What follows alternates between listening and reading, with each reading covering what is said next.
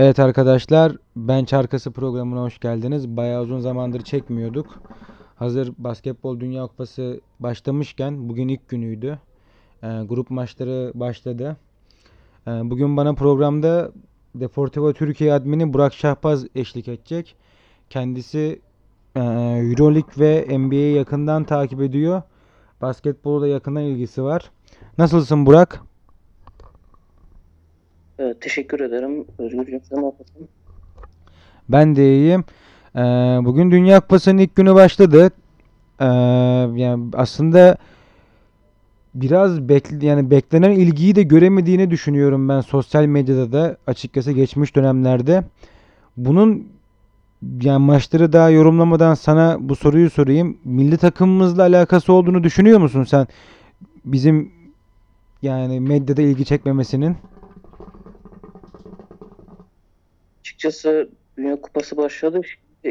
İlgi olarak basketbol severler olarak e, yaklaşık bir 2-3 ay basketboldan uzak kaldık. En son bir Euroleague ile NBA finallerini izledik. Açıkçası ben basketbol severler olarak e, Dünya Kupası'nı iple çektim. İlgiye gelecek olursak hani maçları takip ettiğimizden günde bir e, bugün sürpriz bir sonuç çıkmadı. Açıkçası medyada da yer almamasının sebebini şuna bağlıyorum. Şimdi milli takımlarda kadrolar genellikle kısıtlamaya gidildi. Hani oyuncuların milli takıma gelmemesinden kaynaklanıyor bence. Neden derseniz hani oyuncular sezona başlıyor. İşte rast, sakatlık riski almamak için Dünya Kupası'nda kendi kulüp takımlarına hazırlanması için e, gelmemeyi tercih ettiler. Bunun en bariz örneği Amerika Birleşik Devletleri. İlgisizliği ben açıkçası buna bağlıyorum. Grup maçlarında konuşmaya başlayabiliriz. Ee, bugün işte grup maçları başladı. Ee, Angola Sırbistan işte Sırbistan Angola'yı rahat şekilde 59-105 yendi. Polonya Venezuela maçı vardı. Polonya 80-69'la maçı kazandı. İran Porto Rico e, günün ilgi çeken maçlarından bir tanesiydi. Porto Rico 81-83 kazandı. Rusya Nijerya açıkçası bu maç beni biraz hafif şaşırttı yani. Rusya kazandı ama biraz yakın skor geçti. 82-72 Rusya kazandı. Filipinler İtalya. İtalya rahat şekilde 62-108 kazandı. Fil dişi Çin. Çin de fil dişini 70-55 ile mağlup etti. İspanya Tunus maçı vardı. İspanya 101-62 ile kazandı. Arjantin de Güney Kore ile yaptı günün son maçını. 95-69 kazandı. Ee, seninle ilk Sırbistan Angola maçı üzerinden konuşalım. Takip ettiğim maçlar hakkından başlayalım. Ee, öncelikle bize Sırbistan takımından biraz bahsedebilir misin? Sonra maça geçersin. Ee, şimdi Sırbistan'dan başlarsak günün ilk maçından Sırbistan Dünya Kupası'na Teodosic'siz geldi. Kadro hoca da Sasa Djordjevic. Şimdi Sırbistan milli takımı deyince turnuvanın en uzun takımı 2.05 ortalamayla en kısa oyuncusu Vasilij Mitsic. Şimdi genelde bu Balkan takımlarında bir milli takım olgusu vardır. Mesela Bogdanovic de NBA'den geldi. Hani bu oyuncular milli takımda oynamayı bir gurur sayıyor. İşte az önce bahsettiğim olay gibi değildi. Hani mesela sakatlanma riskini göze alarak geldiler. Sırbistan'da açıkçası hani Amerika Birleşik Devletleri'nden sonra hani favori takım konumunda kupayı çok istiyorlar, madalya istiyorlar, şampiyonluğu istiyorlar. Dediğimiz gibi e, çok sorulan sorular vardı. Todosic acaba pozitif yönde mi oldu gelmemesi, negatif yönde mi oldu? Öncelikle maçı yorumlayarak başlayayım. Şimdi Angola karşısında maçı izledim ben. Bugün izledim tek maçta. Angola karşısında genelde biraz yumuşak tempoyla oynadılar. Şimdi Sırbistan biraz da savunmaya e, ağırlık veren bir takım. Dediğimiz gibi uzun oyuncuları var. Hazırlık karşılaşmasında zaten hani Antetokounmpo'lu kardeşlerle e, Kalatesi kadrosuyla Yunanistan'a bile 72 sayı attırdı. Bugün de Angola'ya bir 56 mı 59 mu ne sayı attırdı.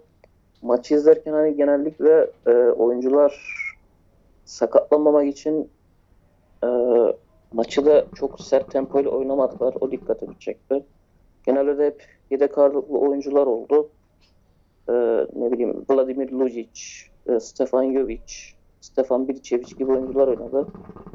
Mesela Bogdanovic de hani An- Angola Afrika'da e, dünya sıralamasında 36 ya da 39. sırada olması lazım. Sırbistan'da bir de Nikola Kalinic ve Nemanja Nedovic gibi isimler yok. Djordjevic açıkladığına göre sakatlık yok. Teknik sebeplerden ötürü kalkamadığını söyledi. Maçta zaten e, Angola'ya birinci periyottan baştan aşağı üstün oynadı. Maçla ilgili birkaç bilgim olacak. Şimdi Djordjevic e, daha önce oyuncuyken Dünya Kupası'nı kazandı. Obradovic'in rekoruna ortak olmak istiyor. Obradovic 94 yılında oyuncu olarak 98 yılında da hoca olarak kazanmıştı. Djordjevic e, hem oyuncu hem antrenör olarak Obradovic'in bu rekoruna ortak olmak istiyor. Maça gelirsek e, Angola'da Yannick Moreira biraz dikkatimi çekti. Zaten bu sezon Virtus Bolonya'da oynadı. E, Sırbistan hocası Djordjevic'le birlikte kulüp takımından hocası. Zaten onlar da Basketbol Şampiyonlar Ligi'nde şampiyon oldular. Ee, güzel bir tesadüf oldu diyelim. Zaten e, baştan aşağı Sırbistan üstün oynadı. Bu maçla ilgili son sözü söyleyecek olursam hani Teodosic'e getireceğim yine sözü. Teodosic son 1-2 yılda falan NBA'ye gittiğinden beri hiçbir ritim uyduramadı. Hani Clippers'ta vasatlar oynuyordu. Hani o kadroda bile bir şeyler yapamadı. Bir ritim tutturamadı. Sezon zaten Teodosic e, Bologna'ya transfer oldu. Ufak da bir sakatlığı vardı. Sakatlığından ötürü de şeye gelemedi. Dünya Kupası'na gelemedi. E, herhalde Teodosic eski günlerine dönmek için bu sezon Euro Cup'ında favorisiler Virtus Bologna. E, gelmesini açıkçası isterdim. Hani Sırbistan Angola'yı bırakın da hani madalya için büyük maçlar oynayacaklar. Büyük takımlarda büyük oyunculara ihtiyaç duyacaktır açıkçası gelmesini isterdim. Gelmemesi bence negatif oldu diye düşünüyorum. Yani Teodosic'te dediğin gibi bayağı bir düşüş, düşüş var ve Teodosic de bu yani basketbol şampiyonlarında bayağı izlenmesi zevk veren bir oyuncu. Açıkçası ben de bu haline üzülüyorum. Bakalım toparlayabilecek mi sezon içinde göreceğiz Euroleague'de mücadelesinden. Şimdi eee, Sırbistan maçı hakkında daha diyeceğim bir şey yoksa İran maçına geçelim. Ekleyeceğim bir şeyin var mı? Yok Sırbistan. Ee, İran Porto Rico maçı bu yani günün aslında güzel geçen maçlardan birisiydi. Bu maç hakkında bize ne aktaracaksın? Aynen hani günün pek sürpriz sonuçları olmadı ama bu maç hani 35 dakikayı bırak son 5 dakikası bayağı bir heyecanlı geçti. Azıcık özetini takip etme şansım oldu.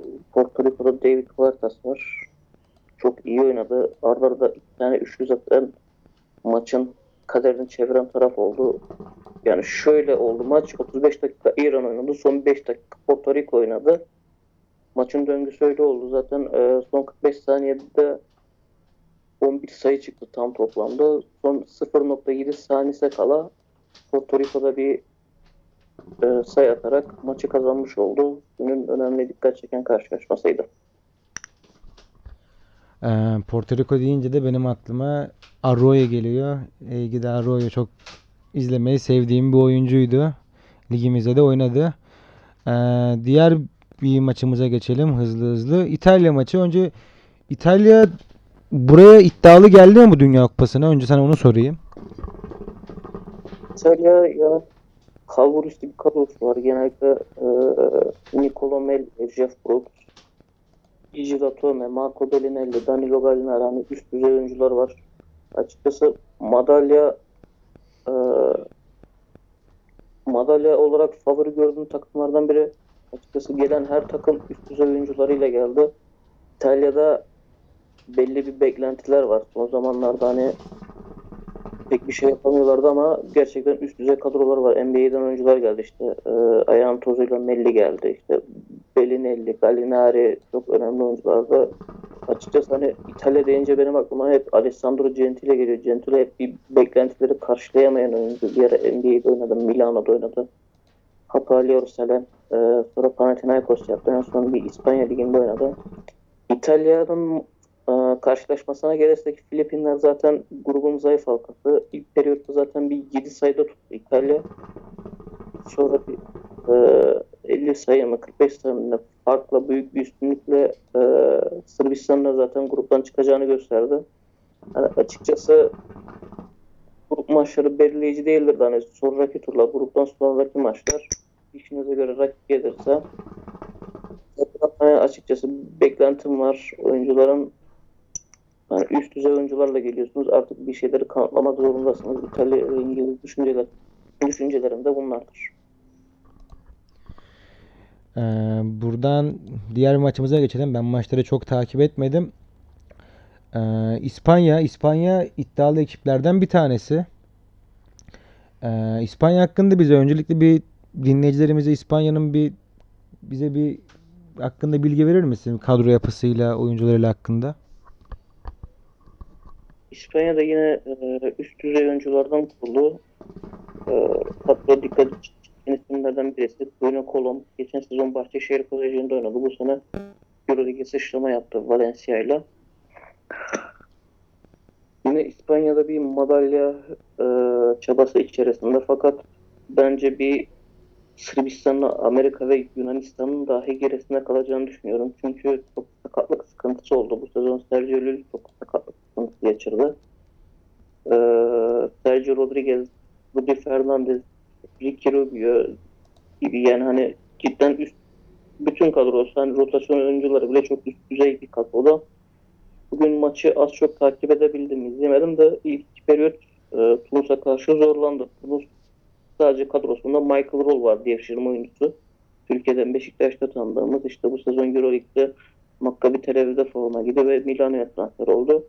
Hani ilk periyodu 16-17 bile geride kapattılar. Sonra devreye Ricky Rubio girdi. Üçüncü periyot maçı koparmayı bildiler. Ancak İspanya'da hani bir eski İspanya şeyini vermiyor, güvencesini vermiyor. Hani e, rakipler yenebilecek güçte. Yani Tunus bunu yaptıysan orta seviyedeki bir Almanya falan da hani İspanya'yı tehdit edebilecek güçte. Dediğimiz gibi grup maçları pek belirleyici olmuyor. Tur maçları gruptan sonraki yollar çok belirleyici oluyor. Dediğimiz gibi İspanya'nın da biraz oyuncular form tutması sakatlıklardan ötürü çok sıkıntı yaşıyorlardı. İspanya'nın da bakalım göreceğiz grubunda işte Tunus Tunus'a karşı mücadele ettiler. Bakalım diğer maçlarında ne yapacaklar.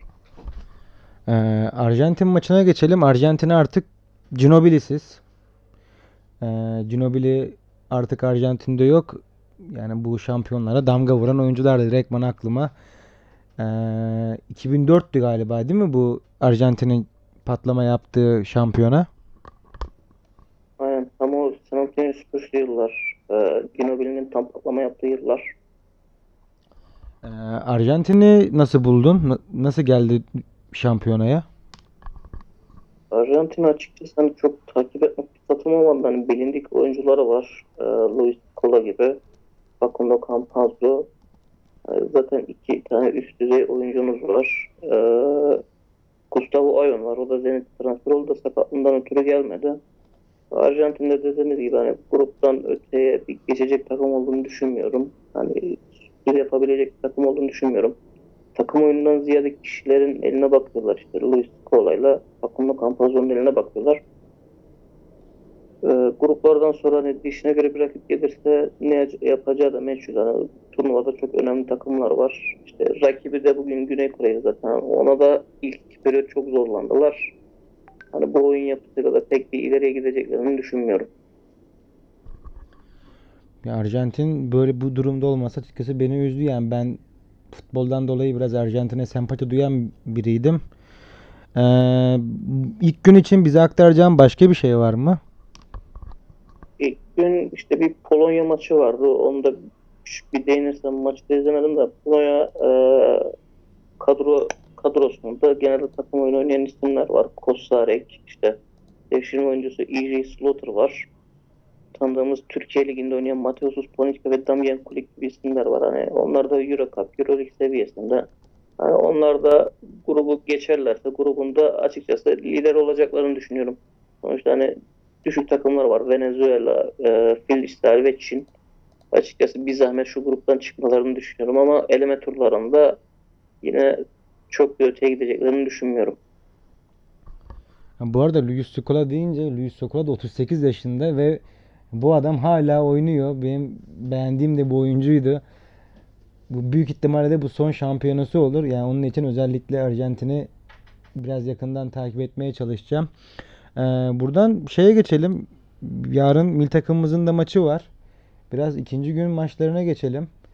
Bize ilk günden aktaracağım bir şey yoksa yarının maçları milli takımımız hakkında konuşalım biraz. Tabii e, milli takımdan giriş yapalım öncelikle. Şu anda bizim milli takımımız açıkçası e, hedefi olimpiyatlara katılma olarak belirledi. Bu da herhalde bir turnuvada belli bir aşamaya geçmeden oluşuyor. Şimdi kadro yapısına bakınca hücum anlamında iyi bir takımız ama pivotlarımız bence pek umut vermiyor. Pivotlarda uzunlarda e, Sertaç Şanlı ve Semih Erden var. Hani bu oyuncular çok üst düzey olduğunu düşünmüyorum. Tamamdır. Ee, hani birisi Anadolu Efes'te, birisi işte son sezonunu İstanbul Belediye'de geçirdi. Hani bunlara ziyaden artık oyuncu rotasyonumuzlar olduğu için yetiştirmemiz aslında iyi olacak. Bu jenerasyonda zaten son maçları kısalara gelirsek açıkçası hücum anlamında iyi bir takım olduğumuzu düşünüyorum. Wilbekin, Cedi, Ersan, Volkan ee, hücum olarak iyiyiz fakat defans olarak kötüyüz. Defansta da sadece tek alternatifimiz bence e, Doğuş Balbay. Ancak Doğuş Balbay da olunca defansta 5 kişi oynayıp hatta 6'ya 4 diyebilirim. Hani Doğuş Balbay'ın defansif anlamda çok önemli bir oyuncu ama hücum anlamında pek bir katkı veremiyor. Grup açısından konuşursak e, hedefimizdeki maç zaten açıkçası belli. E, Çek Cumhuriyeti maçı. Hani acaba Amerika'nın son kadrosunu gördükten sonra bir şeyler yapabilir miyiz diye düşündük de hani yapacak çok da bir şeyimiz yok. Hani Amerika'nın en kötü oyuncusu bile NBA'de oynayan bir oyuncu. Hani oranın temposuna ayak uyduran, hızlı tempoya karşı açıkçası bizim de Amerika'nın temposuna ayak uydurmamız kolay değil. Gruptan ziyade bir de Amerika maçına geçersek, Amerika takımına geçersek hani turnuvanın favori takımı. Şimdi üst düzey oyunculardan e, programın başında bahsettiğim gibi sakatlık riskine göze alan oyuncular geldi. Genelde hep Boston Celtics'ten oyuncular geldi. Kemba Walker, Jason Tatum, Jaylen Brown, Marcus Smart gibi isimler. Bunlar ek olarak e, Brook Lopez var. Bir de Donovan Mitchell var. Açıkçası yine üst düzey olduğunu düşünüyorum. Hani bu oyuncular üst düzey oyuncular. Hani Amerika diyorsunuz sonuçta. Yine bir Sırbistan Amerika finali düşünüyorum ancak Yunanistan da bir zorlama yapabilir. Ee, Amerika'nda yani kolay lokma olmadığını hani her zaman turnuvanın favorisi olduğunu düşünüyoruz. İstersen diğer maçlara geçebiliriz. Ee, diğer maçlara geçelim. Diğer maçlardan sonra e, turnuvada işte mil- Amerika milli takımını biraz eleştiriyorlardı işte. Ak- akıllara 2004 galiba bu efsane bir kadroyla gelmişti Amerika ve üçüncü olmuşlardı. Pardon üçüncü mü dördüncü mü ne olmuşlar tam hatırlayamadım onu bakacağım. Hatta LeBron James bugün bir yazısını gördüm bir açıklama yapmış. O sene bizim takımımız çok ciddiyetsizdi. Bundan dolayı e, böyle bir sorun oldu. Ve Amerika'nın başında koç olarak Popovich var. Popovich et- takımın yıldızı sence Popovich mi? Yoksa bu takım her şekilde iddialı mı yani? Ben sana bunu mu sormak istiyorum. Şimdi Popovic disipline üst tutan bir hoca. Amerika milli takımını yönetebilecek, yönetebilecek bir kapasite. 2004'te dediğin gibi Amerika Birleşik Devletleri hani Dream Team dediğimiz efsane bir takım gelmişti. Ee, Popovic de o dönem San Antonio Spurs'u hani San Antonio Spurs olduğu zamanlarda hani Manu Ginobili'nin bahsettiğin gibi Popovic de ön plana çıkabilir. Ee, hazırlık maçında Avustralya'ya kaybettiler 98-94. Açıkçası turnuvada bir sürpriz olacağını da bekliyorum. Hani bir Yunanistan hani Yunanistan'ın da NBA patentli oyuncuları var. Çok atletik oyuncuları var. Ee, Antetokounmpo kardeşler gibi çok Nikolates de keza öyle. Bir sürpriz de bekliyorum açıkçası Amerika, Amerika açısından. Ee, bence Amerika dışında örneğin bana iki tane daha favori saysan kimi sayabilirsin? Ya şüphesiz Sırbistan'la Yunanistan. Yunanistan'da Antetokounmpo net şekilde etki edecek gibi yani değil mi? Efendim? Anlayamadım. Ee, Antetokounmpo net şekilde yani Yunanistan'ı sırtlayan kişi yani o takımı net şekilde turnuvaya etki edecek oyuncu diyebilir miyiz Antetokounmpo? Yani bir yıldız söyle desem turnuvanın o isim Antetokounmpo mu? Yıldız açısından açıkçası eee oynamadan görülmez ama hani bir beklenti olarak Antetokounmpo ve Bogdanovic diyebilirim. Ee, hazır toparlayalım yine. Diğer maçlar hakkında ve ekleyeceğim başka bir şey var mı? Diğer maçlardan eee, başlarsak ben zaten bir liste yaptım maç maç giderek. Kanada Avustralya maçı var. Bu biraz eee, ilginç bir maç. Kanada'da Avustralya genelde NBA'de oynayan oyuncular var. Kanada'da tanıdık isimler var. Eee Kim Birch var. Joe, eee Brady Hestip var. Kim Birch ülkemizde Uşak Sportif'te oynadı. Sonra bir Avrupa'da şey yaptı. Olympiakos yaptı. Sonra son iki sezon Orlando Magic'te oynuyor. Brady Hestip keza son sezonu İstanbul Belediye'de geçirdi. Avustralya keza Joe Inglas'ın eline bakıyor.